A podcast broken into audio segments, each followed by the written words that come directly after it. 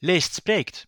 En vandaag spreekt Leest met Inger Leemans en Ton Naaikes over vertalen in de Nederlanden. Mijn naam is Geert Bulens. Welkom bij de podcast van Leest, open wetenschapsplatform over Nederlandse literatuur en cultuur. U vindt Platform Leest online en op Twitter en Instagram @platformleest. Abonneren op deze podcast kan gratis via de bekende podcastkanalen. Eerder spraken we in de podcast met de Engelse en Roemeense vertalers van Bezette Stad van Paul van Ostaaien. Maar voor de ontwikkeling van de Nederlandse literatuur zijn uiteraard de vertalers naar het Nederlands veel belangrijker geweest. Er wordt, ondanks de krimpende boekenmarkt, nog altijd erg veel vertaald in het Nederlands en dat is eigenlijk al eeuwenlang het geval. Die hele geschiedenis is nu voor het eerst geboekstaafd in het vuistdikke, loodzware, maar vooral ook prachtig geïllustreerde boek Vertalen in de Nederlanden, een cultuurgeschiedenis, verschenen bij Boom. Leest spreekt met twee van de vijf hoofdauteurs. Inger Leemans, die over de 18e eeuw schreef, en Ton Naaikes, die het deel over de 20e en 21e eeuw voor zijn rekening nam. Inger is hoogleraar cultuurgeschiedenis aan de Vrije Universiteit in Amsterdam hoofdonderzoeker van het NL-lab van de KNAW. En in kringen van Nederland is hij vooral bekend als co-auteur met Gertjan Johannes van Worm en Donder, het deel over de 18e eeuw in de Taalunie Literatuurgeschiedenisreeks. Ton was tot voor kort hoogleraar Duits en vertaalwetenschap in Utrecht. Hij leidde jarenlang het expertisecentrum Literair Vertalen en de Leuvens-Utrechtse onderzoeksmaster Literair Vertalen. Hij heeft ook zelf zijn sporen verdiend als literair vertaler met onder meer twee monumentale Paul Celaan-edities. Vertalen in de Nederlanden is een ontzettend rijk boek waarover makkelijk een hele podcastreeks gemaakt kan worden. Wij richten ons vandaag op slechts één en nog altijd tamelijk breed onderwerp, denk ik, wat onze vertaalgeschiedenis ons zegt over onze cultuur. In de inleiding staat dat vertalingen ons een spiegel bieden van onze cultuur. En Inger, jij formuleert het nog net wat scherper op het eind van jouw deel. Je bent wat je aan vertalingen consumeert. Nou, wat stond er op het menu van de 18e-eeuwse Nederlander? Op het menu van de 18e-eeuwse Nederlander stond heel erg veel. Uh, eigenlijk zou je kunnen zeggen, hè, uh, werd er uh, van alles uit het buitenland uh, geïmporteerd naar Nederland om daar een Nederlandse boekenkasten mee te vullen. En dat werd ook steeds veel kleuriger over uh, de 18e eeuw heen. Dus je kan denken aan natuurlijk de zwaardere werken, bijbels, psalmen, reisverhalen, maar vooral ook heel veel handboeken, gidsen. Uh, hoe uh, verzorg ik mijn kanariepiet? Uh, taalkundige werken. nou ja. En die kanariepietkennnis die moest dan uit het buitenland geïmporteerd worden? Die moest dan uit het buitenland. Nou, dat hoefde niet per se, maar je moet altijd bedenken. dat heeft Gert-Jan Johannes ook mooi beschreven al eerder. Nee, want het is een heel klein taalgebied. Dus we hebben eigenlijk maar een heel beperkt aantal schrijvers tot onze dienst. En op het moment dat in de 18e eeuw niet alleen veel mensen lezen, maar ook mensen steeds ja, ja, diverser gaan lezen en een diverse leesconsumptie behoefte krijgen, ja, dan uh, is eigenlijk uh, dat potentieel aan schrijvers te klein. Dus uitwijken naar het buitenland ligt dan zeer, zeer uh, voor de hand, ook omdat daar hoge kwaliteitswerken te vinden zijn. En uit welke talen werd het dan vooral vertaald? Of anders gezegd, hoe groot was eigenlijk de wereld voor de 18e-eeuwse Nederlander? Ja, die is heel uh, breed. Je ziet er natuurlijk wel hele dominante uh, talen. Hè. Nog vanuit de 17e eeuw zijn het Latijn en ook het Frans. En we beginnen ook nog wel Spaans en Italiaans. Uh, heel geliefd. en gedurende de 18e eeuw zie je eigenlijk de opkomst van het, het Duits daarbij. Het Duits wordt ook een hele populaire taal om uit te vertalen. En dat is een van de van de onderwerpen die ik ook het meest heb uh, uitgepakt in dit hoofdstuk, omdat ik dacht van nou, daar is eigenlijk nog weinig over uh, gekend. Uh, dus dat is een beetje een, een, een speciale blik daar nog bij. Maar het is dus ja, heel breed. Je ziet eigenlijk een heel divers palet. Het, kan, het zijn ook hele kleine talen die, waaruit vertaald kan worden. Dus ook uit Scandinavië en de Balkan? En... Ja, Ja, van alles. En uh, Aziatische talen, Arabische talen. Uh, het, eigenlijk is het palet heel erg breed. Als je de STCN, de Short Title Catalog of the Netherlands, is een hele mooie bron voor ons natuurlijk om te kijken naar wat er allemaal op die Nederlandse boekenmarkt komt. En nou, ik heb daar uh, proberen om uh, uh, de, nou ja, wat grafieken van te maken, maar die zijn eigenlijk onleesbaar vanwege de grote hoeveelheid talen. Dus, ja, Ton, als jij in die spiegel kijkt, welke ehm, Nederlander tref jij dan aan en zit daar een ontwikkeling in in de loop van de 20e en 21e eeuw? Um, ik, ik, denk het wel. Dus ik denk ook dat door, door het schrijven van deze, van deze vertaalgeschiedenis, door het op een rijtje zetten van wat er allemaal gebeurde in de 20e, 21e eeuw, en dat is eigenlijk per definitie een keuze, want er is ontzettend veel meer te vertellen. En er is ook, er is ook een soort dwang door de manier waarop wij het aangepakt hebben om een soort lijn te trekken. Uh, kun je toch wel zien wat nou precies gebeurt met de manier waarop bijvoorbeeld uh, Freud en Nietzsche in Nederland uh, gerecipieerd worden? Hoe de oorlogen 1 en 2, Wereldoorlogen 1 en 2, verwerkt worden? Er zijn alle twee situaties waar de omringende talen, het Engels, Frans, Duits, etc., een enorme rol spelen. En ook, ook in een soort cultuurpolitieke zin. Ja, vertel. Nou ja, dat, goed, dat, dat, dat, in de, dat de manieren waarop de uh, ja, heel tekenend is de manier waarop uh, het nationaal socialisme natuurlijk uh, voortzet wat de Duitse diplomatieke dienst al aan bezig was, beïnvloeding van Nederland en België. dat is in de Eerste Wereldoorlog het samenspel tussen Engels en, en, en, en, en het Frans en ook een soort de manier waarop die tegen elkaar concurreren ten opzichte van het Duits. Dus ook de manier waarop boeken binnengebracht werden, waarop mensen uh, beïnvloed werden door de manier waarop ze uh, aan moesten kijken dus, tegen die omringende culturen. Nou is het dan bijvoorbeeld ook zo dat na de Tweede Wereldoorlog, wanneer Duitsland natuurlijk een heel beroerd imago heeft in Nederland, dat er dan opmerkelijk minder titels uit het Duits worden vertaald? Ja, dat, het, Duits, het Duits wordt dan steeds minder vertaald, want het krabbelt op een gegeven moment toch weer op in de, in de loop van de jaren 60, 70 typisch voor de jaren 50 of de periode van vlak na de, na de Tweede Wereldoorlog is natuurlijk de opkomst van uh, de Engelse en Amerikaanse uh, cultuur in allerlei opzichten en ook uh, de, de, literatuur die erbij hoort. Dat zie je heel erg duidelijk. We hebben in het boek ook een aantal, niet door ons, maar statistiekjes opgenomen waarin je ziet hoeveel, hoeveel de toename van het Engels of de dominantie van het Engels hoe, hoe groot die wordt. En als jij zegt spiegel, dan denk ik ook dat die spiegel voor de, voor de uh, 20e, 21e eeuw ook typisch is het de, de verengelsing van de, van de, van de cultuur. Uh, neemt die eigenlijk altijd toe? Die neemt. Nou, nou het, is, dat, het is toch wel een moeilijke vraag, omdat ik dat niet heel 1, 2, 3 zou zeggen. We zouden durven, durven zeggen, maar ik, ik denk van wel dat het toeneemt. Uh, het, het gekke is dat daar tegelijkertijd ook de vertalingen toenemen. Dus je, je, zou zeggen, het Engels allemaal in de, in de voertaal, want Engels dat is in een bepaalde mate ook zo, maar op een of andere manier zorgt het Engels er ook voor dat, er, dat er de, de vertalingen uit het Engels uh, ook groeien en dat men steeds meer ook snel wil weten wat er allemaal gebeurt. Want je hoort uitgevers wel eens zeggen dat ze bepaalde titels niet meer gaan vertalen uit het Engels, omdat het Nederlandstalige publiek dat boek dan in het origineel verkiest. Ja, um, daar, daar, daar, mag ik dan een mening over geven? Geert? Zeker.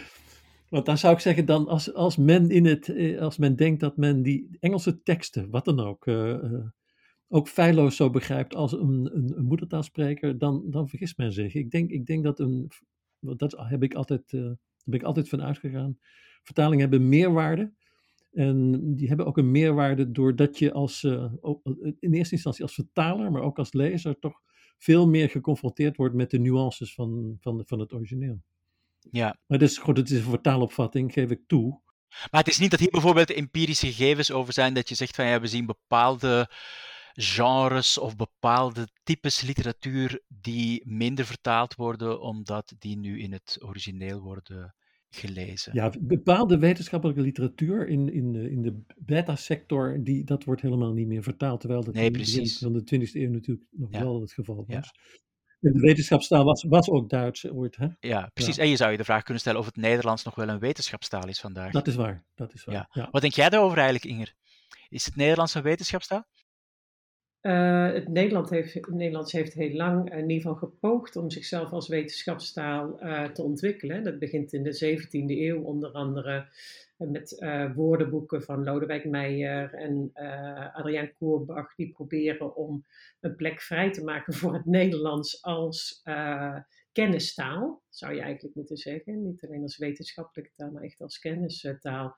En uh, met, met dus ook allerlei vertalingen van uh, door, als of de Koerbach in ieder geval als uitheemse uh, woorden benoemd. Um, dus ja, Nederlands is een goede, goede kennistaal. Het is wel grappig, want ik zat net te denken, in de 18e eeuw zijn het vooral de moeilijkere bijvoorbeeld hè, poëzie, uh, werken die, die onvertaald blijven. En, en richt men zich voor het vertalen heel erg op uh, kenniscompilaties of... Uh, dus daar... En is dat ook vanuit het idee van poëzie kunnen we eigenlijk niet vertalen?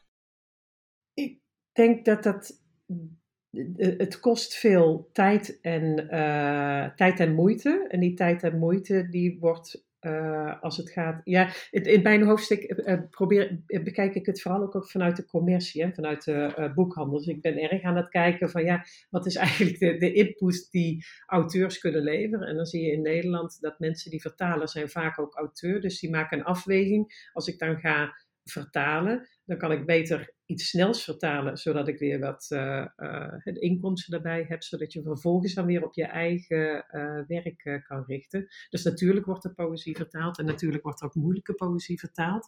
Maar dat zijn toch ook wel vaak projecten die blijven, blijven hangen. Dus bij Goethe ja. zie je dat hè, Werther wordt eerder en vaker vertaald dan Faust bijvoorbeeld. Nou, nu hebben we het over, over de wetenschap, nu hebben we het over de, over de literatuur. In de inleiding wordt, uh, van jullie boek wordt benadrukt dat in Nederlandse literatuur en cultuurgeschiedenissen erg weinig aandacht wordt besteed aan vertalingen. Hoe zou dat eigenlijk komen? Want ik herinner mij, Ton van Frans Ruiter al in 1993 publiceerde hij een pleidooi om vertaling als onderdeel van de Nederlandse literatuurgeschiedenis te zien. Dus dat is uh, straks 30 jaar geleden. Mm en toch gebeurt het nu pas dan voor het eerst en dan eigenlijk ook nog in een apart boek. Een apart boek waar uiteraard nog decennia lang geput zal worden voor nieuwe Nederlandse literatuur en cultuurgeschiedenissen. Maar het lijken dus toch een beetje gescheiden winkels te zijn. Ja, ik denk toch nog steeds gescheiden winkels zijn en dat het nog, een, uh, nog, nog even afwachten is en, uh, tot het moment waarop uh, die twee stromen met elkaar ge geïntegreerd zou kunnen worden. Het lijkt, het lijkt me een hele tour. Als we als ik zelf naga wanneer we met, uh, met uh, dit project voor dit boek begonnen zijn, dan is het ook uh, moreel in ieder geval begin jaren negentig. Toen, jij noemt Frans Ruiter, maar je had ook toen ook mensen als Jacques Vogelaar, Paul ja. de Wispelaar ook, die steeds verventer wezen op het belang van vertalen. gerenommeerde vertalers als Frans Denissen, die ook om een vertaalgeschiedenis vroeg. En vertaalonderzoekers, zoals, zoals bijvoorbeeld een van de mede-auteurs, Theo Hermans die uh, een eerste fundament begonnen te leggen voor een vertaalgeschiedenis. Ja. En eigenlijk zijn we toen begonnen, maar um, uh, het, het, eigenlijke project denk ik dat het rond 2010, 2011 echt gestaald heeft gekregen. En vervolgens duurt het ook nog tien jaar voordat het uh, boek verschijnt. Dus je kunt je wel ja. voorstellen dat de inspanning vrij groot is. Zeker. het komt ook omdat het, omdat het zo gek, zo ongelooflijk veel materiaal is, waarin vervolgens uit, uitgekozen moet worden. Ja. ja. Dat, is, dat is echt wel een punt. Ja, ik sluit me daar graag bij aan. Het is eigenlijk oeverloos of eindeloos. En je moet over zoveel verschillende domeinen eigenlijk iets weten om zowel over vertalingen van Newton, uh, van uh, de encyclopedie, van poëzie. Van, e-, eigenlijk moet je een hele brede letterkundige wetenschappelijke blik uh, en over de boekenmarkt wat kunnen zeggen. Nou, denk ik wel zo dat die hè, literatuurgeschiedenissen, die zijn natuurlijk wel wat meer naar de vertaalgeschiedenis toegegroeid de afgelopen decennia, doordat ze een veel cultureel historischere blik hebben eh, gekregen en van de kanon zijn weggelopen.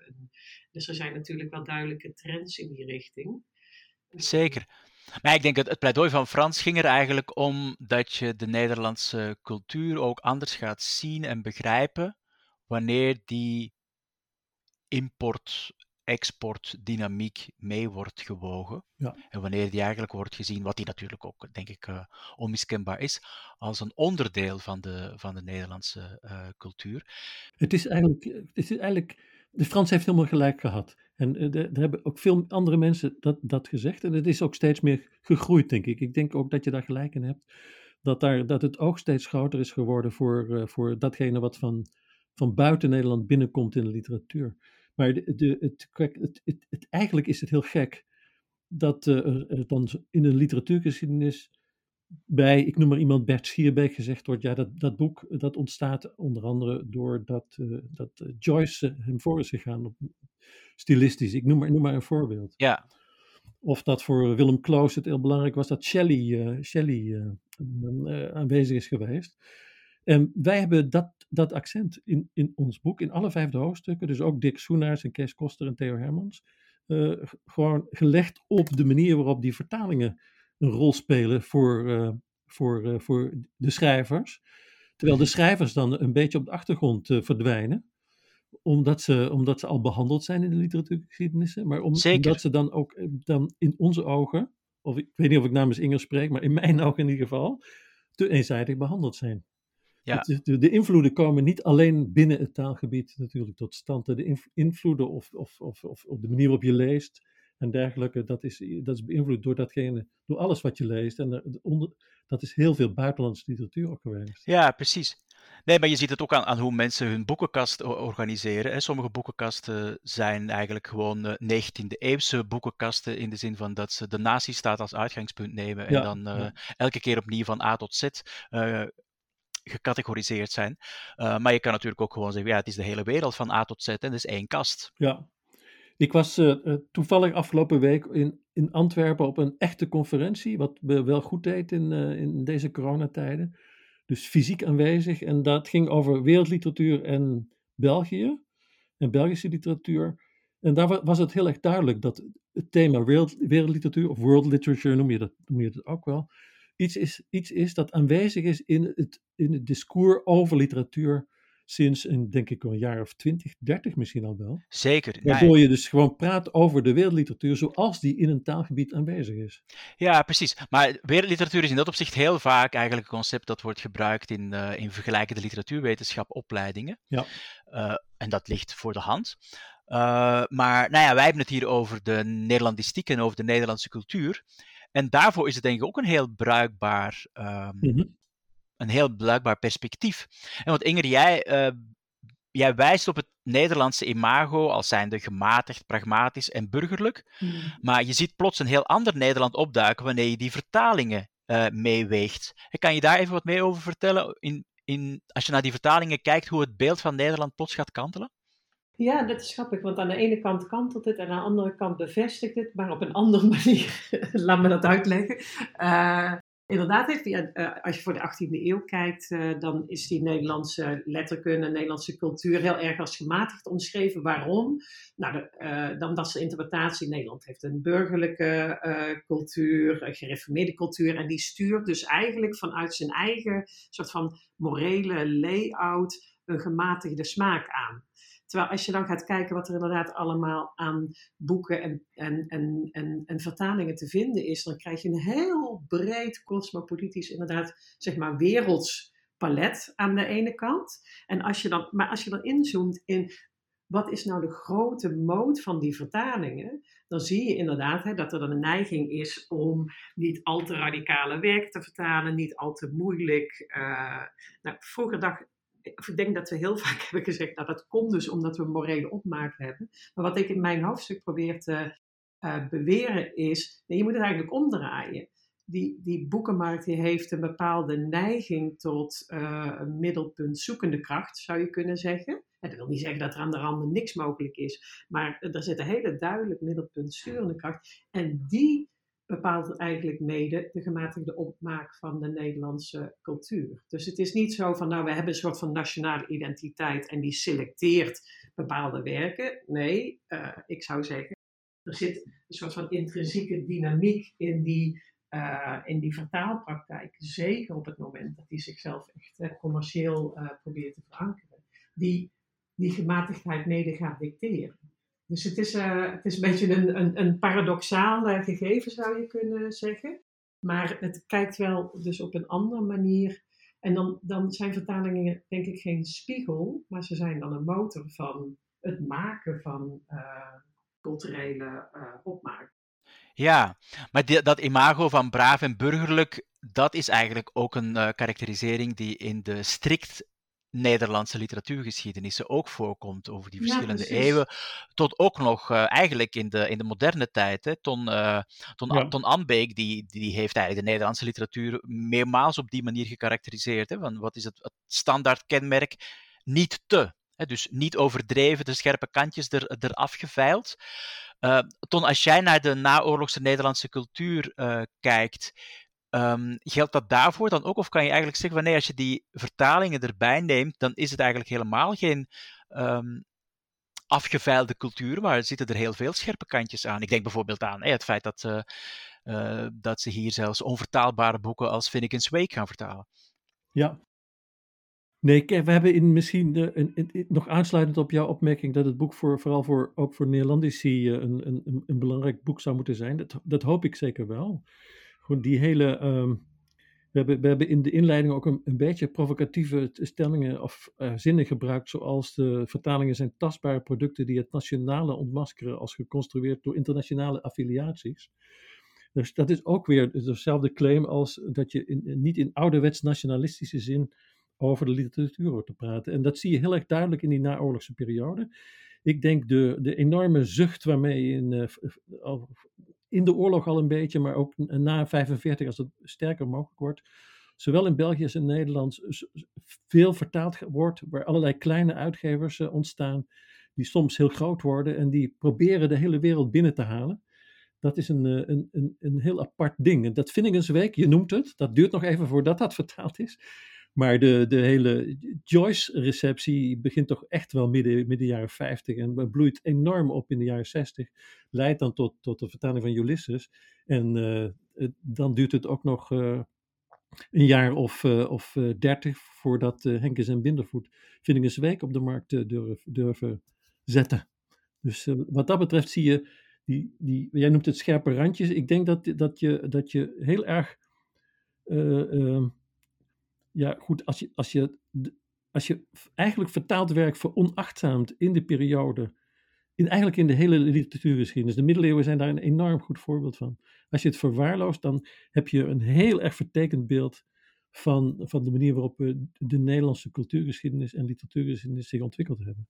Zeker, nou ja, ons vorige gesprek was met Frank Willaert en dat ging eigenlijk voor drie kwart hierover, omdat die Middel-Nederlandse liedcultuur helemaal zich ontwikkelt in dialoog met de Middel-Duitse en de Middel-Franse, uh, en met mhm. nog een aantal andere uh, overigens ook, uh, zelfs in die mate dat je je de vraag kan stellen of het Middel-Nederlands als literaire taal in dat corpus wel, wel bestaat, omdat ook, daar ook nog eens die, die, die talen ook heel dicht bij elkaar uh, aansluiten. Ja, ik heb dat met veel, veel interesse gelezen. En ook de, ik, bijvoorbeeld uh, de, wat hij schrijft over Jan de Eerste van Brabant.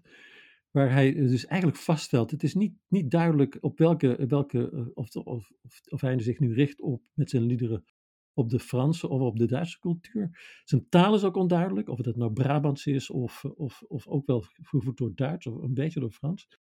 Waardoor hij dus tot die conclusie komt die, eh, dat, dat het een heel mengelmoes van talen en, en cultuur is geweest. Vooral van Rijnlandse aard, zoiets, zegt ja. hij geloof ik in zijn boek. Ja. ja. jullie project heeft natuurlijk intrinsiek al iets internationaals, omdat het in de titel gaat over vertalen in de Nederlanden. Dus dat mm -hmm. suggereert dat het ook al uh, de landsgrenzen van het huidige Nederland overstijgt. Dat is in ons vak natuurlijk een van de centrale vragen, hoe die gebieden zich tot elkaar verhouden, of ze eigenlijk samenhoren, of ze apart of samen beschreven en bestudeerd moeten worden. Um, dat is per eeuw ook een kwestie die anders wordt beantwoord. Hè. We hadden het net over de middeleeuwen. Daar is het eigenlijk onmogelijk om het anders uh, te doen. Uh, cru gesteld, mm als je Vlaanderen uh, schrapt, dan blijft er eigenlijk niet veel meer over. Um, nou, dat verandert natuurlijk heel sterk vanaf de 17e eeuw, wanneer het zwaartepunt van het taalgebied naar het noorden verhuist. En vanaf dat moment spreekt het eigenlijk minder vanzelf om Vlaanderen en Nederland als één gebied te beschouwen. Hoe kijken jullie daar eigenlijk naar? Want Inger, jouw NL-lab suggereert een sterke koppeling aan de nazistaat. En in jouw deel komt Vlaanderen eigenlijk helemaal niet aan bod. Bestond er geen Vlaamse vertaalcultuur in de 18e eeuw of is die nog niet onderzocht? Uh, nee, in tegendeel. Uh, de, de keuze dat ik eigenlijk als enige uh, de Vlaamse kant uh, nou ja, uh, buiten beschouwing hou. Dat, dat komt omdat er al een prachtig boek ligt van Tom Verschaffel, De Weg naar het Binnenland. En dat is zo'n mooi voorbeeld, want dat is een van de delen van de reeks in de, de Nederlandse literatuurgeschiedenis. Ja. Maar juist omdat voor de zuidelijke Nederlander de 18e eeuw zo weinig landstalige werken gecanoniseerd zijn, zie je Tom al voor die literatuurgeschiedenisreeks een heel brede, uh, meertalige blik uh, uh, hebben. En dus ook beschrijven van hoe de, de Nederlandstalige, Vlaamstalige literatuur zich beweegt tussen allerlei andere taalgebieden in. En dat leek mij, zeker gezien het feit dat dat boek heel recent is verschenen en zoveel dekt, niet nodig en ook niet noodzakelijk of ook niet mogelijk uh, om daar nog eens een zetstuk overheen te doen. Dus, uh... Ja.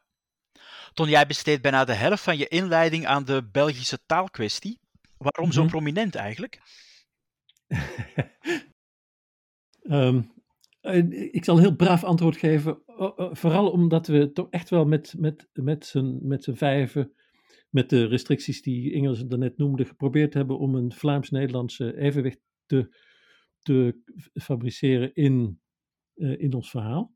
Maar die, die taalkwestie is, is denk ik wel een heel cruciale, cruciale ontwikkeling in de ontwikkeling van, van, van, uh, van de cultuurgeschiedenis. Voor, voor uh, de situatie in België, waar ook allerlei vertaalkwesties uit, uit voortkomen. Dus de manier waarop je in het parlement dan praat, of je daar het Frans of het, of het of het uh, Vlaams moet gebruiken, of het Nederlands moet gebruiken. Heeft het ook een impact op de vertaalpraktijk van ja, Vlaamse literaire vertalers vandaag? Is, speelt die, die Belgische taalkwestie daar überhaupt een rol? Ja, sommige vertalers zeggen van wel, sommige, sommige zeggen van niet. Dus men gaat uit van de eenheid van taal. Maar van de andere kant is natuurlijk het, gewoon de hele manier waarop, eh, waarop de aandacht voor vertalen in België aanwezig is uh, ook wel verschillend van, van Nederland. Ik, ik denk dat het, ver, laat maar zeggen, het vertaalbewustzijn in België nog altijd veel groter is dan, dan in Nederland. Door de twee taal, of drietaligheid van het land. Ik neem ja. Duits even mee. Uh, en, en, en überhaupt ook in, misschien zelfs in, in, in, de, in de wetenschap. Dus de, de harde uh, kern van de vertaalwetenschap komt er echt wel voor de lage landen uit, uit, uit uit, uit Leuven, uit Antwerpen, Brussel dus, en Gent. Dus, uh... Toch lijkt het voor die Vlaamse vertalers nog altijd heel moeilijk om door te dringen tot de grote Amsterdamse uitgevers. Um, dat is een hele moeilijke discussie. Je moet er van geval tot geval bekijken. Maar goed, ik noem nou Frans Denissen, Paul Klaas uh, en allerlei prijswinnende vertalers van de afgelopen uh, 30 jaar. Ja, dat, daar zijn heel gerespecteerde vertalers bij en fantastische vertalers. Zeker, maar ik heb het eigenlijk eerder over, over de breedte van het. Uh, ja, er wordt ja. ontzagwekkend veel uh, boeken vertaald. Uh, die worden bijna allemaal vertaald door Nederlandse vertalers. En dan heb je een paar ja. grote namen uit Vlaanderen. dus die, die, die, dat bulkverschil, dat lijkt mij toch wel heel, heel prominent. En in groot contrast staan tot wat ongeveer alle Nederlanders zeggen, namelijk dat de taalbeheersing in Vlaanderen gemiddeld veel beter is. Ja. Um, ik, ik, ik denk dat ik het met je eens ben. Ik, ik denk dat er meer, uh, meer Vlaamse vertalers in de Nederlandse, maar op de Nederlandse markt kunnen, kunnen opduiken.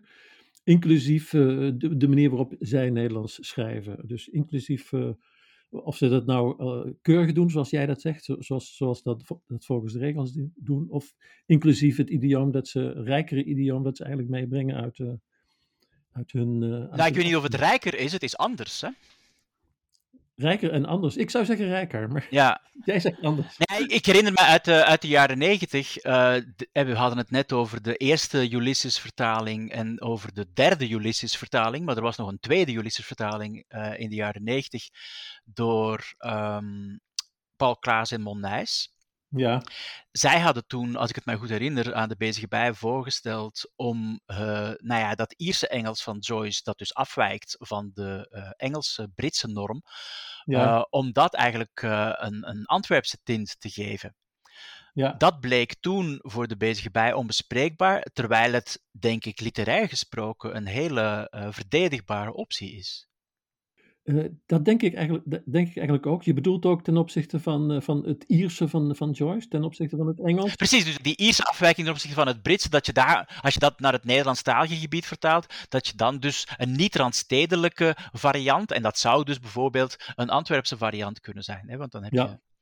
Ik denk dat het sociologisch en, en, en historisch eigenlijk een hele verdedigbare optie uh, ja, is. Ja, nou, het interessante van, van vertaalgeschiedenis is dat, dat, dat je ook nog terug kunt kijken naar, naar eh, vertalingen of vertalingen van vroeger en naast elkaar kunt leggen. Dus in dit geval bijvoorbeeld Ulysses van John van den Berg ten opzichte van Paul Klaas en Molnaars en ten opzichte van Henkes en Bindervoet. En daar zou natuurlijk een, een, een, een, vertaling van, uh, zou daar prachtig zijn geweest om dat ook nog uh, te kunnen lezen. Ja. Ken je eigenlijk voorbeelden van, van boeken die zowel in het standaard Nederlands of het toenmalige Nederlands en het, uh, en het Vlaams zijn vertaald, waar het dus met andere woorden als, als verschillende talen wordt gezien? Um, dat, is een, dat, is, dat kan ik niet zo 1, 2, 3 produceren, maar uh, wat ik wel dus bij het, bij, het, bij het verzamelen van het materiaal gemerkt heb, is dat de, onze kennis van wat er allemaal aan vertalingen is, uh, uh, best nog uitgebreid kan worden. Dus, en, dat zeg ik dus ook als bijvoorbeeld een, een, een bezoeker van antiquariaten of, of, of boekhandels, et cetera. Er zijn vertalingen die helemaal niet opgenomen zijn in de, in de lijsten van de KB en ook niet in, in de lijsten van de, van de uh, Brusselse KB. Uh, die bestaan. En ik noem maar, noem maar iemand als Zola. Mm. Dus Sola, Sola is enorm veel vertaald in allerlei reeksen. En uh, goed, dat zijn enorm beduimelde exemplaren, omdat ze heel goedkoop gemaakt zijn. In de 19e eeuw, wat bedoel je? Eind, eind, eind 19e eeuw, begin 20e eeuw, ja. ja. Hele, hele lelijke boekjes. Maar die werden grif verkocht, blijkbaar. En uh, ja, daar, daar, zijn, daar zijn wel eens vertalingen bij waarvan je niet weet dat ze, dat ze bestaan hebben. Dus de, ik, ik, dat, zoiets zou ik, zou ik dan denken. Ik denk, ik denk ook in die. Ik heb een, een, een klein hoofdstuk over uitgeverij Heideland. Mm -hmm. Dat is een, een, een, een, uitgeverij in, uit, de in, uit Hasselt, dus in, in Belgisch Limburg. Die enorme reeks heeft gemaakt, de encyclopedische reeks, maar ook een reeks, reeks met vertalingen uit de wereldliteratuur. En daar zijn heel verrassende delen bij. Ja, Nobelprijswinnaars. Hè? En Nobelprijswinnaars, die reeks. Ja, T.S. Eliot vertalingen en allemaal. En die ken ik niet allemaal. En die zijn ook niet allemaal overal aanwezig in de bibliotheken. Hè? Ja, dus een, staan in veel Vlaamse bibliotheken, weet ik uit ervaring. Dat wel, oké. Ja. ja. Um, Inger, we gaan even, we hebben het nu over uh, uh, grote namen uit de 19e en uh, 20e eeuwse literatuur, Zola en, en Joyce eh, en Eliot. Um, die grote namen die we vandaag met de internationale, mondiale 18e eeuw associëren. Defoe, mm -hmm. Lawrence Stern, Goethe. Hoe zijn die eigenlijk in Nederland ontvangen?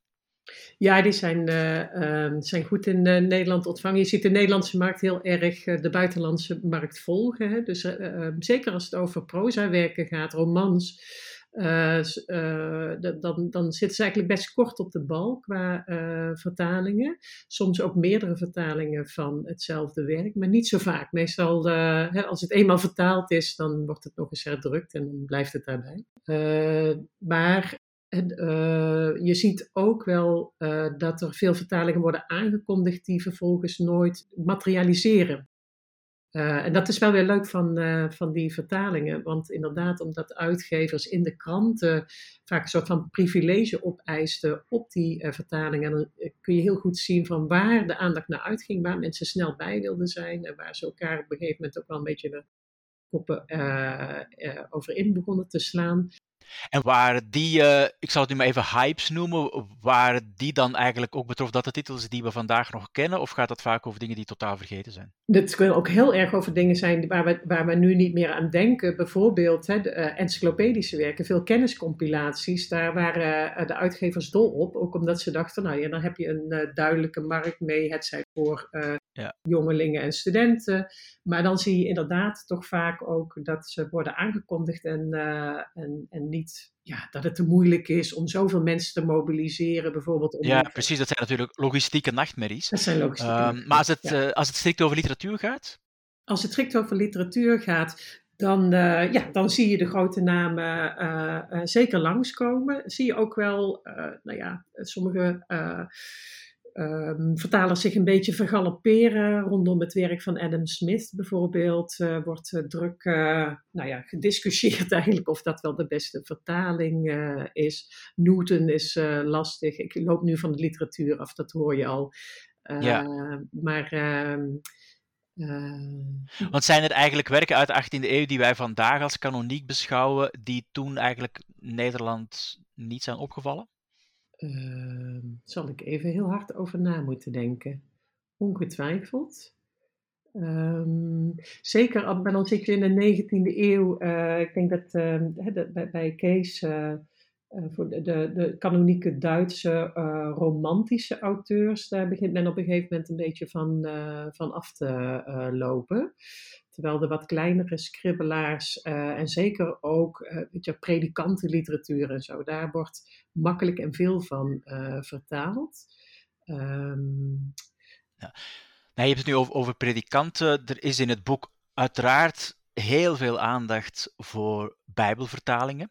Ja. Van de middeleeuwen tot heden. Hè. Er is net weer een nieuwe verschenen zijn daar in zijn algemeenheid dingen over te zeggen? In de zin van, is er een Nederlandse Bijbelvertaalcultuur die anders is dan in andere landen? Oei. Of in andere taalgebieden, moet ik dan zeggen? Nou hebben we echt uh, Dirk en Theo nodig, uh, Ton. ja, ik was ook al aan het zwijgen. maar die, uh, kijk, die, voor Bijbel, Bijbelvertaling, heb, heb, daar hebben we aardig wat aandacht voor, maar niet bovenmatig, omdat er een, een mooie Bijbelvertaalgeschiedenis bestaat. Die bestaat. Dat wordt in detail beschreven. Welke bijvoorbeeld in de, in de 19e eeuw, welke uh, uh, vertalingen gezorgd hebben voor allerlei schisma's in de protestantse kerken. Ja. Ik zeg dat maar. Mm-hmm. Dat is een, eh, een, een uitgebreid verhaal. Uh, en, en uitgebreid daarna te, na te lezen in een door Paul Gillaerts en andere uitgegeven vertaalgeschiedenis. Ja. Maar we hebben er toch wel aandacht aan besteed, omdat zo nu en dan op een bepaald moment die Bijbelvertalingen natuurlijk heel erg van invloed zijn op de ontwikkeling van het denken en over ontwikkeling van de maatschappij. Uh, in de tijd van de verzuiling, in de tijd van, van, de, van de secularisering. Ja. En, en de manier waarop nu de nieuwe vertalingen ook wel geafficheerd worden als uh, literaire vertalingen. De Bijbelvertaling wordt nu ook gebracht als een vertaling voor een groter uh, atheïstisch publiek. Ja, ja. Ja, nou dat was toch heel anders toen die grote vertaalprojecten kort na de Tweede Wereldoorlog werden uh, opgezet. Hmm. Wat mij daaraan opviel, uh, Ton, tenminste als ik het goed begreep, is dat dat initiatief uit, uit, uh, uit Vlaanderen komt om een grote nieuwe katholieke standaardvertaling van de Bijbel te maken. Ja. En dat dan aan grote protestantse Nederlandse dichters, ik denk aan Ida Gerhard, wordt gevraagd om de psalmen te vertalen. Ja. Is dat ook een vorm van ontzuiling of hoe heb jij dat begrepen? Um, dat, daar zou ik nog niet 1, 2, 3 aan ontzuiling gedacht hebben, om, omdat Ida Gerhard toch ook wel die uh, christelijke achtergrond heeft, hè? In, in ja, de, in de manier van denken. Ja. Maar, ja, maar, maar niet katholiek bedoel Ja, Kampen is natuurlijk niet Rome. Nee, maar die, goed, dat is nog niet helemaal in, uh, al, althans dat is wel, wel al een beetje uitgezocht, maar niet, niet uitgebreid behandeld in, in onze vertaalgeschiedenis. Daar valt nog wel het een en ander over te zeggen, over, die, over, die, over dat, de manier waarop dat uh, te, tussen Ida Gerhard en de, en de bazen van de vertaal, uh, Bijbelvertaling destijds ging. Dat is niet zonder slag en stoot gegaan. En ook wel met kritiek en ook wel met discussies. En was het dan literaire kritiek of theologische kritiek? Um, ik, dat is toch voornamelijk uh, theologische kritiek geweest, maar um, dat wordt dan, kijk, dat theologische kritiek kan opgehangen worden aan één bepaald woordje. Hè? Dus Mhm. één bepaald, bepaald eh, laatst, bijvoorbeeld nu de nieuwe vertaling die net verschenen is van de Bijbelvertaling, heeft men de hoofdletter voor God weer, eh, weer eh, tevoorschijn gehaald. Mhm. Dat, is een, en dat is dan één letter eigenlijk maar. Het is wel een sleutelwoord natuurlijk in die Bijbeltekst. Maar dat zijn meestal in, in ontwikkeling van die projecten enorme discussies. Eh, in die zin is, is het zowel een vertaalprobleem als een, een probleem van, van de ideologie die je aanhangt, of de religie die je aanhangt, of de manier waarop je tegen bepaalde problematiek eh, aankijkt en, en dergelijke. Eh, Ja. en, in die zin is het, we begonnen ermee te praten over. jij, jij begon ermee over vertaling als een soort spiegel voor de eigen cultuur. Dat is, geldt natuurlijk voor, voor, voor op Bijbelvertalingen ook. En, en die spiegel van Bijbelvertalingen, die hebben we ons wel degelijk steeds voorgehouden. Eh, terwijl wij zeggen in onze inleiding, de spiegel, de spiegel van de vertalingen hebben we ons te weinig voorgehouden in de loop van de tijd. En daarom hebben we dit boek geschreven. Maar voor Bijbel, Bijbel is er natuurlijk wel veel over gediscussieerd en veel, ja, dat is een, eh, eh, eh, ook eh, die grote verschillen tussen de protestantse en de katholieke receptie daarvan is natuurlijk ook eh, evident. Ja. Maar de verzuiling speelt natuurlijk nog op andere punten een, een rol. Hè. Er zitten vooral in het 19e eeuwse deel van Kees Koster, maar toch ook bij jou, Ton, passages over eh, Dante en discussies over Dante-vertalingen. Ja. Wat stond daar eigenlijk op het spel? Ehm, dat is wel een hele moeilijke vraag, eh, Geert. Die, ik, ik weet wel dat een, een deel van de discussie eh, rond eh, de, de Dante-vertaling van Albert Verwij wel degelijk ook te maken had met de manier waarop men tegen het oorspronkelijke werk van Verwij aankijkt. En Verwij zelf had er ook een handje van om, om, om dan te praten over allerlei andere vertalingen die, eh, die eigenlijk toenamen eh, in, sinds midden van de 19e eeuw van Dante waar hij zich niet in kon vinden. En een enkeling daarvan is een, eh, ook een, een religieus gekleurde vertaling. Ja, en, en Dante, ik heb net toevallig, als, als ik even een zijsprong mag maken, was ik bij, bij een, een- een bijeenkomst van vertalers in, in Duitsland. En daar was net een fantastisch Dante-vertaalproject eh, afgerond. Met, eh, eh, waar, waar alle, eh, waar, waar dertig eh, dichters zich gestort hadden op de, op de hoofdstukken eh, eh, over de hel. En eh, dat was allemaal helemaal toegeëigend naar de, naar de dichters zelf. Dus er werd, werd, werd, werd Eigenlijk zoals dat eh, Walt Whitman Leaves of Grass project Ja, ja, ja. eh, in het Nederlands. Zoiets, ja, vijf- zoiets. 15 jaar geleden zoiets. Ja. Zoiets. Ja, en daar waren, daar waren fantastische vertalingen bij. Ik heb er eentje voorgelezen gehoord. eh, eh, van, van Philips heet die. eh, tijdens een sessie waarin, waarin hij overstemd werd door, door, door iemand die steeds harder begon te schreeuwen. Waar, waar het langzamerhand duidelijk werd dat dat een soort verbeelding was van het helse lawaai dat je blijkbaar in de hel moet horen. Ja, dat, dat was een fantastische ervaring. Dus eigenlijk een vertaling als audioboek. Ver- vertaling is audioboek, ja. Waar, waarna je er eh, op een gegeven moment niks meer van verstaat. Hè? Dat was het. Ja. Ja. Ja. Maar goed, zo'n- het, is, dat is het mooie van, van de vertaling natuurlijk. Hè. Er kunnen allerlei dingen kunnen tot leven komen. En jij noemde daarnet Stern. De Stern is eigenlijk relatief laat vertaald. Hè? Ten- dat is eigenlijk die grote vertaling van eh, Tristram Shandy. Ja. Dat is eigenlijk pas in de, in de laat 20e eeuw. En is dat dan toeval? In de zin van, je moet, er moet iemand geboren worden die zo gek is om het te doen? Dat, dat speelt zeker een rol. En er moet, dan moet er ook nog een uitgever gevonden worden die zo gek is om, het- om het te doen. Eh, en van de andere kant is natuurlijk gewoon die hele eh, eh, receptie van bepaalde auteurs. En, en dat geldt dan denk ik ook wel voor, voor, voor mindere auteurs dan de grote namen. een golfbeweging. En eh, soms is er ook een soort blindheid voor, eh, voor bepaalde buitenlandse auteurs, die pas later, eh, later opkomt. Ja. Dat, dat is een interessant, interessant fenomeen. Dus de, de, de ontwikkeling, ontwikkeling van de literatuur loopt niet parallel met de, de, de ontwikkeling van de literatuur in de oorsprongslanden. Dat is Mhm. allemaal gewoon asymmetrische dingetjes. Schrijvers worden ook eh, geïntroduceerd eh, met hun vijfde boek of iets anders. En, en, dan, en dan nog een keer hun debuut of dan weer een laatste boek. Dat is, dat, dat is een heel andere manier dan, dan je als Nederlander of Belg op dit moment kunt meelezen met het, met het nieuwe boek van Grunberg of iets. Of, eh, of Toby Lakmaier of zo. Ja, soms is het echt, soms is het, gaat het echt om, om een hele goede match, denk ik. Hè? Voor, uh, we hebben een vignet uh, geschreven door Cor de Vries uh, over Johannes Lublink. En Johannes Lublink is echt iemand die geïnteresseerd is in het gevoel, in het verhevene. En een hele mooie match vindt met Edward Jong en zijn nachtgedachten vertaalt. En da daar zie je echt van, ja, dat is een soort van één op één. en en dat, daar gaat het ook echt al over stijl-innovatie. en met, met die aandacht voor het, uh, voor het sentimentele komt er dan ook een hele nieuwe soort van golf van uh, uh, ja, veranderende proza-stijl binnen. Maar dan, dan hangt het echt een beetje inderdaad op Lupeling, die daar zelf al gepassioneerd mee bezig is en zich hiermee verder kan scherpen, zou je kunnen zeggen. Ja. Maar gaat het dan zo ver dat die invloed niet alleen maar gaat over een bepaalde manier van kijken, maar ook stilistisch. Dus dat met andere woorden de vertaler een stilistische impact heeft op het Nederlands dat nadien geschreven wordt? Heel erg, ja. ja bij Lublink zie je dat. Dat hij zijn, uh, de manier ja, de, de, de, de soort van adjectieven die hij gaat gebruiken, de manier waarop hij recht het hart in probeert te schrijven, zou je kunnen uh, zeggen. En ook meer met wat wij misschien nu superlatieven zouden zeggen, noemen, dat, dat, dat gaat hij vervolgens dan ook in zijn eigen uh, proza, in zijn verhandelingen uh, meenemen. En vanaf daar ja, inspireert dat weer een heleboel andere auteurs. Dus ja.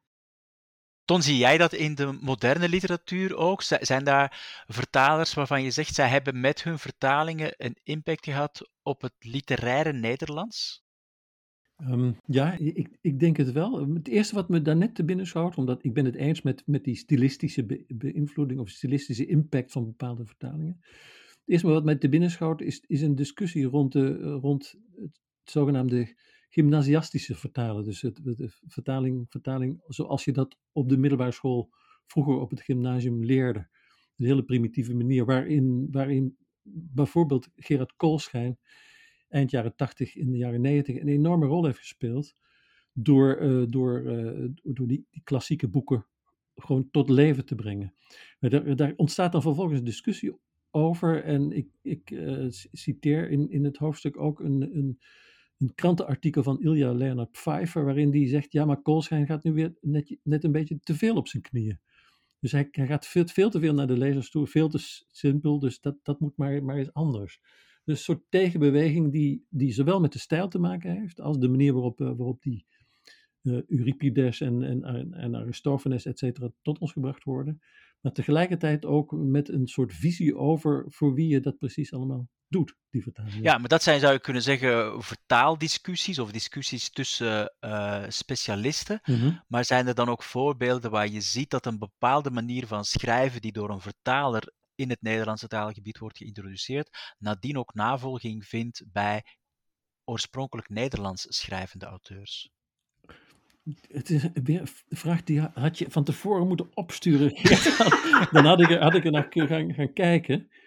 Maar goed, ik, ik denk voor de poëzie dat Pessoa toch op een bepaalde, bepaalde manier, de manier van schrijven van, van Pessoa invloed heeft gehad. Ja, dat zie ik eigenlijk wel. Ja. dat, dat, dat is, dat is wel, wel, wel evident. Ik, ik, ik zelf vind van, van Celan dat hij te weinig nog doorgedrongen is in de Nederlandse poëzie. Maar dat is weer een persoonlijke opvatting. Ja, maar ik ken natuurlijk dat, dat proefschrift van Karel de Strijker over uh, het Celan in de zie, eh, want er ja. zijn natuurlijk aller, allerlei motieven en zo, maar kan je dat bijvoorbeeld, ja, zou je dat durven aanduiden, dat je zegt van oké, daar en daar bij, uh, bij Hertmans of... Uh... Nou, bij, bij Stefan Hertmans is het Zeeland zeker aanwezig, ook, ook, ook wel thematisch, maar ook, ook stilistisch, maar niet, niet altijd. En bij Leonard Nolens is het ook heel erg duidelijk dat hij heel veel Zeeland gelezen heeft. Ik denk ook dat uh, de, de, net overleden Jacques Hamelink uh, een, een, een, een, intensieve lezer van Zeeland is geweest. En dat zie je misschien niet meer in, aan het latere werk, maar wel in de jaren 70 en 80. Het is ook wel een moeilijke vraag. Uh, of dat goed of slecht is, is weer wat anders, zeg Geert. Dat is, nou, nee, maar het zijn eigenlijk allemaal vragen, uh, dat was jullie vast al opgevallen, hè, die gaan over hoe gaan we nu anders kijken naar de Nederlandse literatuur ja. wanneer, we, wanneer we dit boek en al deze kennis meewegen. En dan, dan denk ik van ja, er is natuurlijk heel vaak verwezen, ja, de, de, inderdaad, hè, de invloed van Joyce op bepaalde. Maar dat gaat dan over verteltechniek nou, of zo. Ja. Maar het gaat mij echt over een stilistisch element dat dan niet meer Joyce is, maar de Joyce-vertaler. Maar dan, dan zou ik toch ook nog wel een, een, even een, iets willen zeggen over de, de, de omvang van ons boek, die zich niet alleen richt op de grote schrijvers uit de buitenlandse literatuur. We, we, doen, we doen eigenlijk meer. We, we behandelen ook mindere schrijvers. We behandelen uh, boeken uit, uh, van, uit de handel, uit de godsdienst, uit de, uit de wetenschap, de gezondheid, et cetera. Uh, en de filosofen, zoals Freud, Nietzsche, voor, voor mijn deel. En ja, dat is allemaal onderdeel van, van, van, van het boek, dat we dan vervolgens niet voor niks een, een cultuurgeschiedenis hebben genoemd. Dus het is niet alleen de literatuur die daar een rol speelt, met, met alle respect. En ik, ik denk ook dat het, dat het ik heel graag met jou eens wil zijn dat het voor Nederlandici vooral een belangrijk boek is. Maar die, de verhalen daarover, over, dat komt dan in het, volgende deel, zou ik zeggen. En door anderen geschreven. De manier waarop, uh, waarop dat samenvloeit, is, uh, is heel erg, uh, heel erg van belang. Er komen natuurlijk veel schrijvers ook in voor in ons boek. Dus auteurs uit die ook in de Nederlandse literatuurgeschiedenis staan.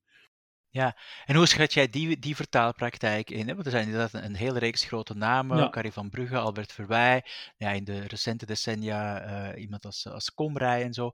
Um, is het eigenlijk uh, broodschrijverij? Is het een vorm van ja, literaire vingeroefening? Hè, dat je door in het uiver van iemand anders te kruipen zelf weer op uh, ideeën komt? waarom deed zij dat eigenlijk? Is daar een lijn in te trekken? Nou, niet, die is niet, de lijn is niet altijd hetzelfde, maar het is ongetwijfeld uh, van alles en, van alles uh, een beetje. Broodschrijverij, vingeroefening, positionering ten opzichte van anderen. Uh, de sier maken met een bepaalde, bepaalde auteur, dat speelt, speelt een rol. Maar ja, er zijn ook mensen geweest als, die, die gewoon in. Nijhoff was denk ik wel iemand die, die, die bewust ook uitzocht van wat hij wilde vertalen en dat, dat, dat naar voren bracht. Uh, Hubert Lampau in het, in begin van de, van de jaren 50, uh, eh, als, als jong auteur, die, eh, die François Sagan introduceert. Dat, is zijn, dat zijn, het zijn hele, hele mooie verhalen. We hebben, we ook Treuvels is zo'n zo'n zo'n schrijver die ik, waar ik de vertalingen eerst niet van, van kende, maar die ik nu wel wat meer gezien heb. Denk ik, ja, die, die vertaalde zo'n beetje uit alle talen. Op welke manier dat deed, dat weet ik niet, maar dat is het het Chinees, het Noors, het, eh, het, het Duits, het Frans, et cetera. En dat is toch iets waar. Je zou zeggen dat kan niet. Het kan eigenlijk niet, maar hij deed het toch. En uh, op, op allerlei manieren vast. Uh, dat, het kan niet anders dan dat dat uh, ook van invloed is geweest op de manier waarop hij geschreven heeft. En dat is dan, ik denk, vice versa. Dus zowel de manier waarop je wilt schrijven, als de manier waarop je bij de vertaling je gedraagt ten opzichte van, van wat je geschreven hebt. En hoe was dat in de 18e eeuw, Inger? Waren daar ook auteurs die het uh, ja, vooral voor, voor het geld deden, of zaten daar ook politicale aspecten? Nou ja, beide natuurlijk. Uh, hè, dus er worden hele uh, poëticale discussies uitgevochten over het proza-toneel bijvoorbeeld. maar er zijn ook veel beroemde schrijvers, Betje Wolf Aagje Bilderdijk, zijn vrouw, uh, die zowel vertalen uit literair interesse als ook gewoon om de, de kachel rokend uh, te houden. Dus bij Wolf en Deken zie je dat heel, heel duidelijk. Zij hebben succes met, met Sarah Burgerhart bijvoorbeeld. Maar als de successen beginnen af te nemen, dan zie je ze op een gegeven moment ook wel een beetje winkelen tussen. Het is um, nou ja, effectiever om dan te vertalen dan om nog een keer zelf zo'n hele lange, meerdelige uh, roman in elkaar te draaien. En wat je ook ziet, dat vind ik wel heel leuk in de 18e eeuw, is steeds meer uitgevers die, of steeds meer, uh, ja, toch eigenlijk behoorlijk wel, die zich op die vertaalmarkt zetten. Dus uitgevers die zelf denken van ja, hmm, uh, vertalen, de, een belangrijke kostenpost is toch de vertaling zelf. Waarom doen we dat niet zelf? Dus wat uh, ik onder andere ook beschrijf is dat er Duitse uitgevers naar Nederland komen en die zetten hier een uitgeverij op en gaan vervolgens de Nederlandse taal leren, waardoor ze vervolgens vanuit het Duits snel en vaardig boeken kunnen uh, vertalen. Dus ik krijg eigenlijk hele families zelfs die de vertaalmarkt mee beheren.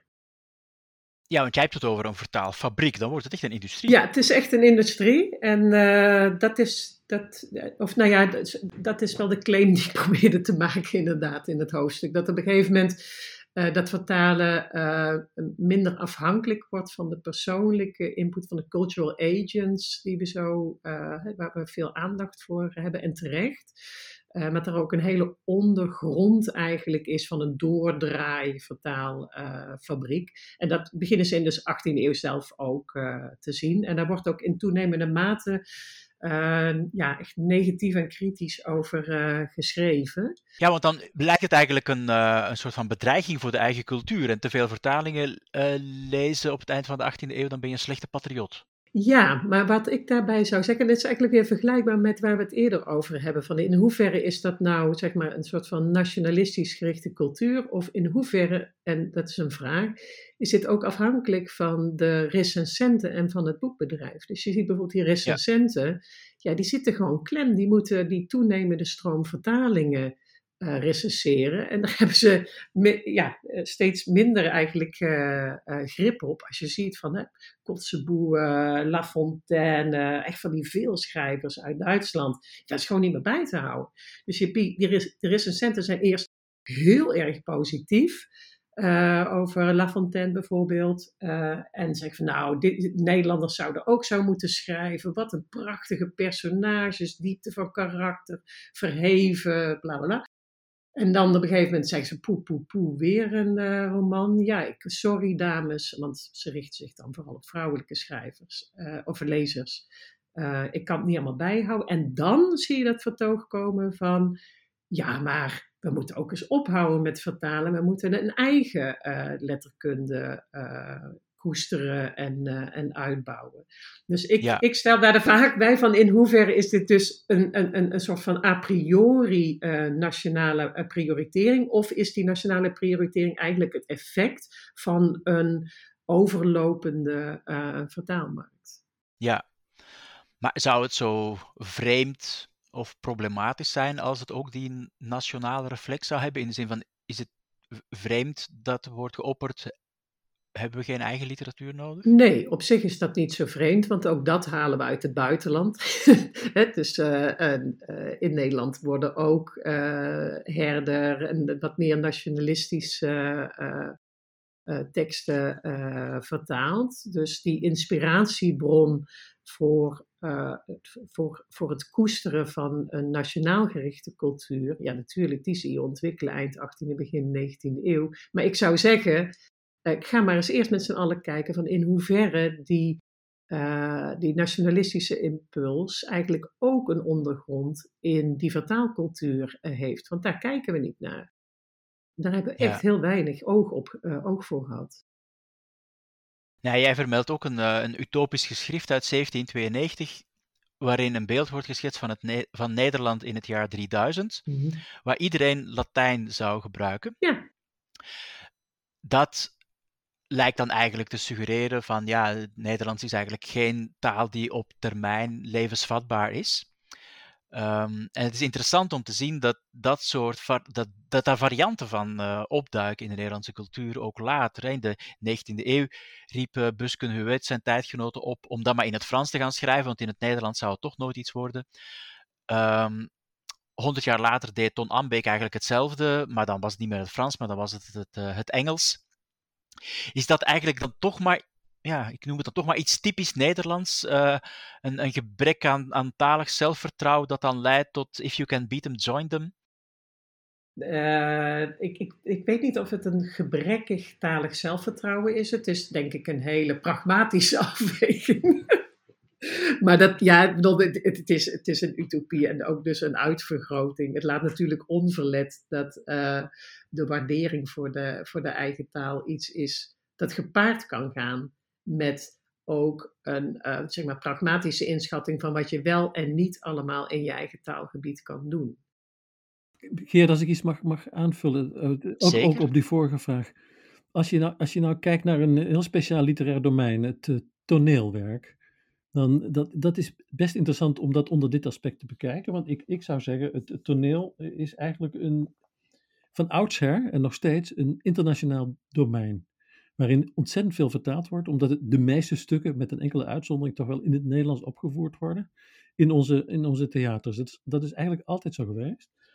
En dat is ook typisch zo'n zo'n geval dat vertaalhistorisch interessant is, omdat, uh, omdat er een van de schrijvers die veel opgevoerd wordt, is, is nog steeds Shakespeare. En daar wordt dus ontzettend veel hervertaald. En in die hervertalingen zie je ook de de, de, de manier waarop een bepaalde schrijver in een bepaalde periode uh, um, aankijkt tegen, tegenover figuren als Hamlet. Er is ook een heel mooi proefschrift van Jan-Willem Matthijs over geschreven. En je ziet ook bij, we hebben een van de vignetten in, in, in mijn deel is een, is een, een, een, gewoon het citeren van, het, van een bepaalde uh, monoloog van Richard III in de woorden van Burgersdijk eind 19e eeuw. Roland Holst in de jaren 20. Willy Courtois in de jaren 70. Uh, eh, Hugo Claus in de jaren 90. Tom Lanois in de jaren, eind jaren 90. En de Roy van Zuiderwijn in het begin van de 20e eeuw. En dan vergeet ik nog, nog Komrij in de jaren 80. En als je die, die zijn dan in dit boek niet geanalyseerd. Maar je ziet aan die, aan die, aan die vertalingen wel de tijd af. Je, je ziet het eraan af. En je ziet ook de, de, de, blijkbaar de worsteling die men nog steeds heeft met zo'n figuur als Richard III. Uh, en, en, nu komen we op een veel te wijd veld in, in, in dat opzicht, want we kunnen niet meer de impact van Shakespeare allemaal uh, vandaag bespreken, maar die is enorm groot. En dat is in een internationale, uh, internationaal, internationaal domein van bespreking. Wat bedoel je precies met dat laatste? Um, ja, als je over toneel in Nederland spreekt, toneel in, in, in de Nederland of toneel in de Nederlandse literatuurgeschiedenis, kan je niet anders dan dat internationaal bekijken. Dus het is ook een, een, een weer een punt uh, op, op een van jouw eerste vragen. Dus de relatie tussen Nederlandse uh, traditionele literatuurgeschiedenis en toevoeging daarvan van de vertaalgeschiedenis. Dat ja. is altijd onderkend natuurlijk dat Shakespeare belangrijk was. Het is nooit, nooit, nooit ontkend. Maar het is, een, uh, het is natuurlijk nog nooit uh, helemaal ingebracht in de manier waarop je een, een, een Nederlandse literatuurgeschiedenis schrijft. Ja. Nou, die vertaalpraktijk, de auteurs spelen daar een uh, belangrijke rol in. Um, uitgevers um, in toenemende mate ook, lijkt mij, instituties en technologie. Uh, eerst even die instituties, uh, Ton, als je vandaag kijkt naar de, hoe, hoe belangrijk is eigenlijk het, het Letterenfonds, maar ook zoiets als Creative Europe? Ja, die zijn, kijk, het Letterenfonds is uitermate belangrijk omdat een groot deel van de vertalingen die nu gemaakt worden van, van buitenlandse literatuur meegesubsidieerd worden, worden door het Nederlandse Letterenfonds. Het Letterenfonds is ook belangrijk omdat het een, als een soort literair agent voor het buitenland ook functioneert. Dus daar besteden we mondjesmaat uh, maat aandacht aan, maar we bespreken het wel. Dus de manier waarop Nederlandse schrijvers als uh, Hertmans of uh, Notenboom in het buitenland gebracht worden. Dat is uitermate belangrijk. Creative Europe, dat, zijn, dat, is, dat is natuurlijk gewoon een mogelijkheid om ervoor te zorgen dat, dat er een, een groter internationaal contact is en uitwisselingsmogelijkheden. En die geven, bieden ook kansen aan vertalers, en zeker jongere vertalers, eh, wat, eh, wat toch wel een punt van zorg is eh, langzamerhand. Zeker, ja, daar gaan we het sowieso nog even over hebben, denk ik. Maar ik wil nog even doorgaan op die rol van de instituties en Creative Europe en het, het Letterfonds. Het gaat over vertalers, het gaat um, toch ook wel zou je denken over de diversiteit van wat er wordt vertaald. Hè? Dus de, we hadden het al eerder over het feit dat nog altijd onzagwekkend veel uit uh, de Engelstalige wereld wordt vertaald. Grote delen van de wereld, ondanks die zogenaamde rijke vertaalcultuur die wij hebben, komen nog altijd onze boekenkasten niet in. Ja, er is toch in dat opzicht een enorme discrepantie, denk ik, tussen het idee van ja, we zijn een open cultuur en het feit, als je alleen al kijkt naar bijvoorbeeld de Indonesische en Braziliaanse literatuur, twee landen waar een uh, koloniale band mee bestaat, en er wordt ongeveer niks ja, uitvertaald. Ja, zeker, zeker. Ben ik helemaal met je eens. En, maar ik denk niet dat het aan het letterenfonds zelf ligt. Het ligt aan het feit dat er te weinig voorstellen binnenkomen om die literatuur te vertalen. En het, dat komt weer, ook weer omdat er te weinig vertalers zijn die dat zouden kunnen doen. Dus dat is een, eh, Omdat het de vertalers zijn die de uitgever eerst moeten overtuigen? Omdat de uitgever zelf ook alleen maar Engels leest. Dat is één mogelijkheid. Dat is één mogelijkheid. De uitgevers zelf kunnen natuurlijk ook beslissen en mensen erop zetten. Maar uh, ja, er zijn, er zijn altijd verschillende wegen waar langs een vertaling tot stand komt. Maar die aandacht die, die, die zou zeker vergroot kunnen worden. Dat is waar. Ja. Want natuurlijk in, in onze cultuur vandaag is diversiteit een van de centrale thema's en aandachtspunten. Um, daar heb jij het uh, in het boek op een bepaalde manier ook, uh, ook mm-hmm. over. Maar het valt mij op dat als het gaat over ja, wereldliteratuur, dus literatuur ook uit de hele wereld. Ja. Um, Afrika, ja. afwezig. Ja. Latijns-Amerika, heel even een golfje. En na één alinea is die ook weer verdwenen, ja. En dus er zijn toch wel hele grote blinde vlekken op onze eigen mentale vertaalkaart. Ja, ja, dat zou, dat zou een heel mooi tweede deel van ons kunnen zijn. Dus uh, een, een, deel beschrijven van wat, we allemaal, wat er allemaal niet was. Dus de, de leemtes en, en de gaten. Dat, dat, dat, is, dat is een, uh, um, een, een, ook een onderwerp in de vertaalwetenschap trouwens. Wat, wat en waarom bepaalde dingen niet vertaald worden. Dat is een, een, een, een, belangrijke kwestie. En waarom sommige dingen zo laat en dergelijke, dat is ook zoiets. Ja. Maar je hebt helemaal gelijk, die, dat, is, dat is te weinig. En misschien komt het, als je dat bedoelt, dat ik er te weinig aandacht aan geef. Dat, dat nee, het gaat me eerder om. om een, ik denk dat het een, een, blinde vlek is die gewoon veel, veel breder is. Uh, ja. ja, voor Afrika zijn natuurlijk wel zo nu en dan pogingen gedaan hè, om een bibliotheek van Afrikaanse literatuur te, te brengen. Maar... Zeker, ja. Maar het is ook vooral hè, de, de geus, de knipscheer een beetje, dus eigenlijk relatief beperkt. Relatief beperkt, ja. ja. Inger, de vertaalgeschiedenis maakt die eigenlijk ook onderdeel van de koloniale geschiedenis? Um, Met andere woorden, pionierde Nederlandstaligen in het begrijpen en vertalen van de gekoloniseerde gebieden? Um, dat kan ik denk ik niet op die manier zo zeggen. Ja, je ziet wel, ik bedoel, uh, het tolkensysteem bijvoorbeeld, om te kunnen uh, contacten kunnen uh, leggen, het kunnen begrijpen van, van andere talen, het schrijven van reisverhalen, etnografieën. dus als je het bekijkt zeg maar, in een heel breed palet van talen bestuderen, culturen bestuderen, die vervolgens dan weer kunnen leiden naar het vertalen van, van toneelstukken die gaan over uh, een Afrikaanse cultuur bijvoorbeeld. Dan, dan, dan zou ik zoiets, denk ik, me voorstellen. Van een, van een uh, nou ja, breed. En ook het vastleggen, het vastleggen van orale tradities? Hmm, zou ik voor de, voor de 18e eeuw niet zo. Uh, ik blijf maar even bij mijn eigen domein hier. Je zou kunnen zeggen, wat ik, ik denk, ook terugkomend op die discussie die jullie daarnet hadden, dat in de vroegmoderne tijd natuurlijk de, de, de of, nee, dat er meer rek is om te vertalen via, via, via. dus uh, als er een, een, een, een Duitse Jezuïet is die, uh, die, die, wel een bepaalde uh, Aziatische taal bijvoorbeeld heeft kunnen overzetten naar het Duits en kon dat vervolgens weer van het Duits naar het Nederlands gezet worden of Frans. Als, dus er wordt veel via tussentalen gewerkt en dat maakt de, de, de rijkheid aan uh, talen van waaruit vertaald kan worden misschien nog uh, uh, wat, wat groter. In de verschillende hoofdstukken, Geert, zijn wel, ik geloof dat Ingrid het ook al noemde, dus in het, zeker in het hoofdstuk, in een deel van Theo Hermans, gaat hij wel degelijk in op de overzeese contacten, de VOC, de gevolgen ervan, de tolken die daar een rol bij spelen. En ook heeft, heeft hij een stuk over tolken op eh, Decima en aan de Kaap. En in het hoofdstuk van Kees Koster staat ook een, een, een, een hoofdstuk over vertalen en tolken in de Oost en de West en de behoefte aan bemiddelaars. Dus het, het, het, goed, het, het wordt wel, wel voorbereid. En uh, ja, goed, ik vind het wel dat je een heel goed punt maakt wat betreft de Indonesische literatuur dat is, een, uh, dat is toch wel een, ja, ik denk toch wel een, uh, hoe noem je dat, een ondergeschoven kind in de manier waarop wij tegen Indonesië hebben aangekeken. Ja. Dus een beetje, maar te weinig. Ja. ja. In de slotbladzijde uh, van het boek Ton verwijs je naar recente discussies over vertalingen van Frans Fanon en James Baldwin.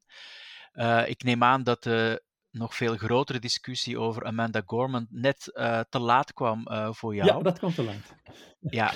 Hoe ervaar jij uh, die, die discussies en, en kijkt de vertaler Nikes daar dan anders naar dan de vertaalwetenschapper Nikes? Dat laatste denk ik, denk ik niet. Althans, ik kan het voor mezelf niet, niet heel erg onderscheiden. Ik, ik, kijk natuurlijk wel, wel als een bepaald type vertaalwetenschapper, in die zin dat mij ook wel de vertaling zelf interesseert. Uh, in, in de tekstkant bedoel ik daarvan dan. Maar uh, ja, kijk, misschien heb je wel gezien dat, dat het laatste stukje over de 21ste eeuw, dat was een soort poging om de, de huidige, huidige situatie in 21ste eeuw vertalen, heet dat deel, onder de loep te nemen. En het, het, die tekst eindigt ook met een vraagteken. En dat gaat over de. Moesten die, die vertalers van in dit geval Baldwin en Fanon nu buigen in, in dit geding? Of hadden ze ook eigen recht van spreken? En, dat is heel moeilijk te beslissen in, in dat geval. Dit, het is een ontzettend ingewikkelde discussie. Uh, we hebben in het tijdschrift Filter daar ook aandacht aan besteed en zullen dat nog meer doen. Het, het is heel erg, heel erg ehm, eigenlijk, als, ik denk dat ik het beste zeg van dat, dat er ook verschillende types vertalingen kunnen zijn, of verschillende vertalingen.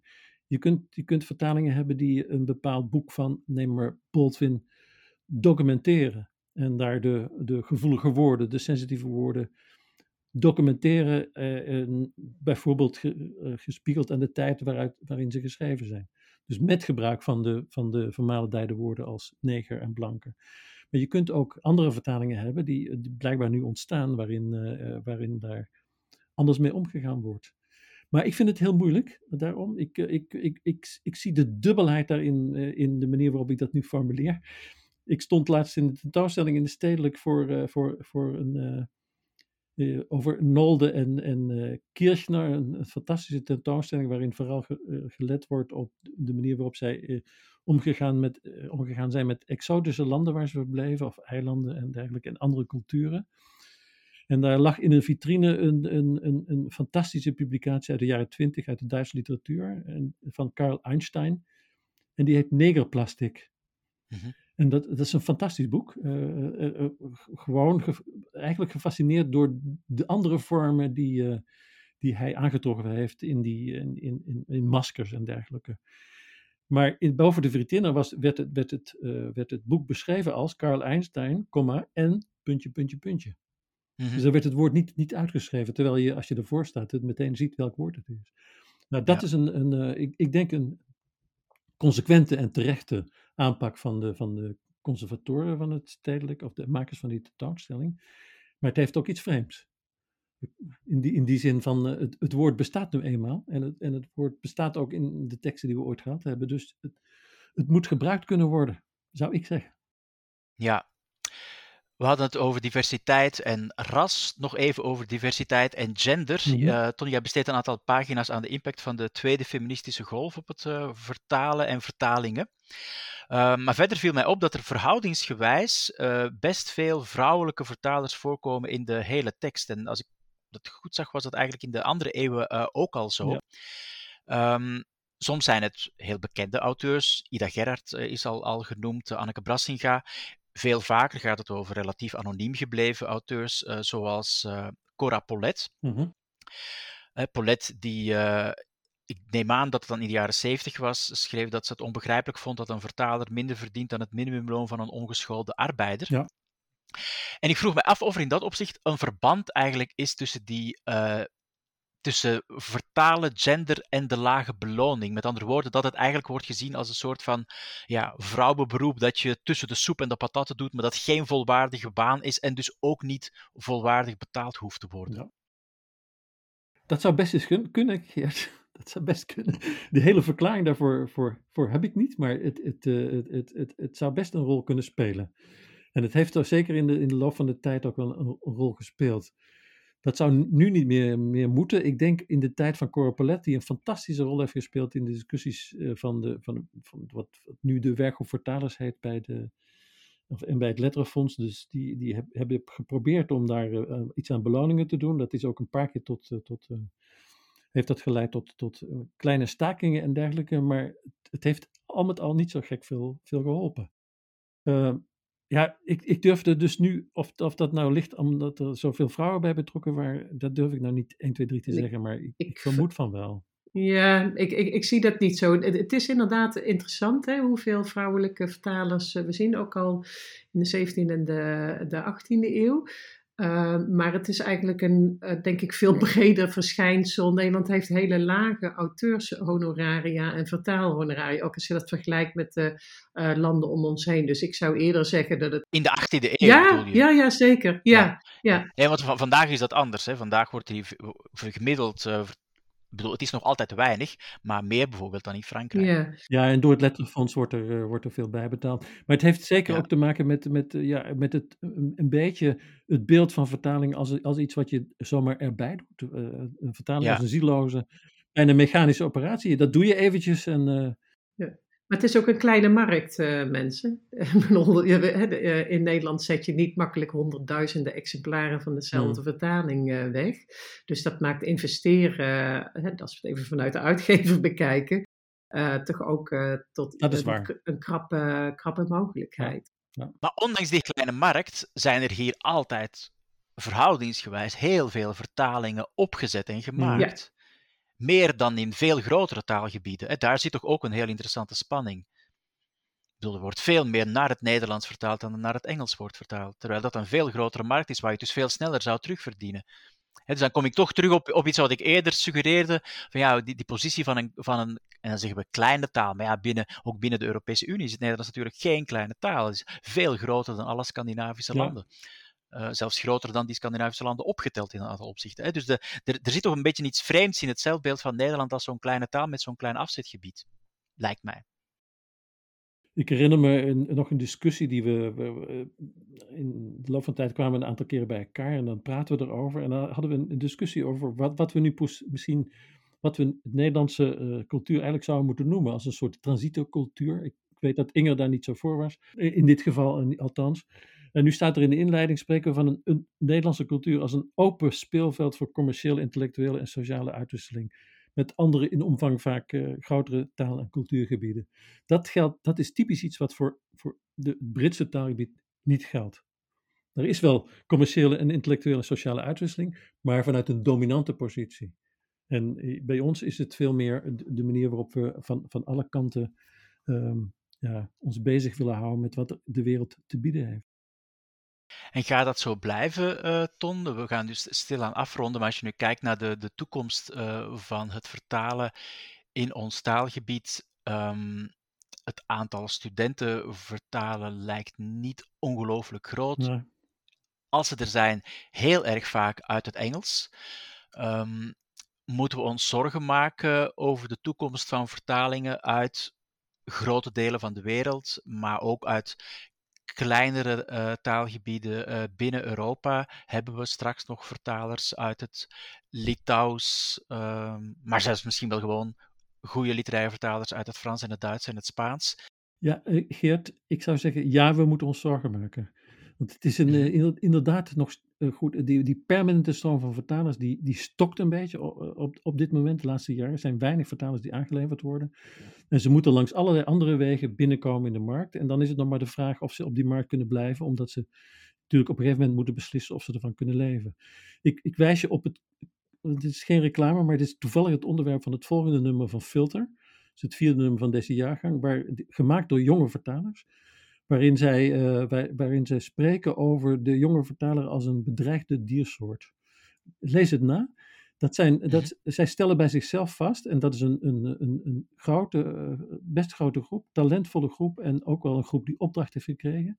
Zij stellen vast dat er steeds meer jonge vertalers afhaken op dit moment. Niet meer, kunnen, niet meer redden en niet meer, uh, of niet meer louter en alleen voor vertalen kiezen, maar voor iets anders, een andere invulling. Ja, dat is best zorgelijk, vind ik. Ja. Dus eh, die... Staan er oplossingen voor?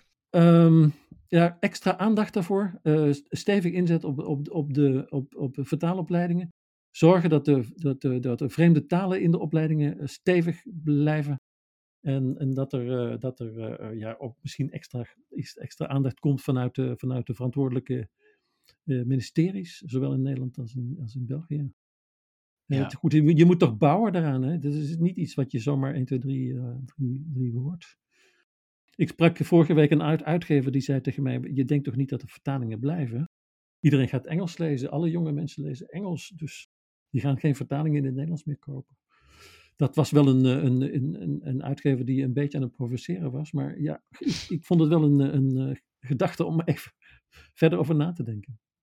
Hm? Ja. Dus er is ook wel iets voor, voor, de, voor Nederlandici uh, aan werk te doen. Dus het, het, het, het, het, Nederlandici zijn ook wel mensen die, uh, die soms in vertaalopleidingen terecht uh, zijn gekomen en daar, een, daar natuurlijk gewoon ook voor gezorgd hebben voor, voor mooie teksten. Dus een, een, een, Nederlandistieke opleiding met aandacht voor, voor, voor het buitenland of voor internationale literatuur zou heel goed zijn. Nou, ik denk dat ik die al ken. Maar oké. Okay. Ja, ja. Um, ik zeg het ook tegen jou, Geert. Uh, wat heeft jullie tijdens jullie onderzoek, tot slot dan, zelf het meest verrast, Inger? Oei. Of wist je alles al? Dat kan natuurlijk. Dat je zegt van, nou nee, ik heb eigenlijk opgeschreven wat ik al heel lang wist. Nee, nee, nee. nee, helemaal niet. Ja, ik, ik werd vooral uh, overdonderd door al die uh, Duitse predikanten, skribbelaars, waar ik zelf nog nooit van had gehoord. En ik geloof dat Ton op een gegeven moment ook verzuchtte van, wie zijn toch al die uh, mensen? Ik denk dat we heel veel nieuwe namen hebben geleerd van de ooit grootheden, waar ik in ieder geval nooit van had gehoord tijdens mijn studie Nederlands. Nee, maar tot nieuwe inzichten gekomen over de eigen cultuur? Ja, ik denk dat dat terugkomt waar we het eerst over, over hadden. Van uh, het, de, de, de, de, de, zeg maar de markttechnische uh, achtergrond voor, voor wat we wel of niet als Nederlands willen prioriteren. Ik denk dat, dat we eigenlijk weinig inzichten vaak hebben in van wat de sturing van de markt is, in hoe we nationale identiteit hoe, we dat, hoe we dat vormgeven en uh, hoe we dat debat uh, voeren. Dus ja. Ja, en Ton? De, voor mij moet ik dan teruggaan naar, naar het moment dat ik aan vertaalwetenschap begon, zonder te weten wat dat precies was. En die, toen, dat is dus eind jaren tachtig van de vorige eeuw. Diep in de vorige eeuw zeg ik bijna. Maar goed, ik heb op een gegeven moment ook al was ik op dat moment aan het vertalen, toch wel langzamerhand ontdekt wat, wat voor enorme mooie wereld er omgaat als je open gaat, als je wat breder kijkt dan alleen maar de Nederlandse literatuur. Dus ik heb steeds meer uh, gewoon vertalingen gaan, gaan waarderen en dat is tot op de dag van vandaag het geval. Bij het schrijven van het boek uh, heb ik vastgesteld van dat we eigenlijk, we, we, hebben wel alle ruimte gekregen van de uitgever, maar uiteindelijk is het ook nog allemaal te weinig om, om alles aandacht te geven. En dat, dat is wel het, moeilijke daarvan van het schrijven van zo'n zo'n deel geweest. Uh, goed, je, je probeert een bepaalde ontwikkeling te beschrijven, uh, maar, je, maar je kunt niet alles uh, aan de orde stellen. Dat is eigenlijk het moeilijke. Nee. Nou ja, dit was deel, deel 1. Hè. Er kan natuurlijk zeker nog een deel 2 ja. en 3 volgen. Daar spreken we dan graag een andere keer nog eens over. Oké. Okay. Oké. Okay. Nou, dit was de podcast Leest Spreekt, met dank aan gasten Inger Leemans en Ton Nijkes en aan Evelien Chamir voor de redactie, productie en techniek. En dit was de laatste podcast van dit jaar. Ergens in het voorjaar hopen we terug te zijn voor een derde seizoen van Leest Spreekt. Heel graag tot dan.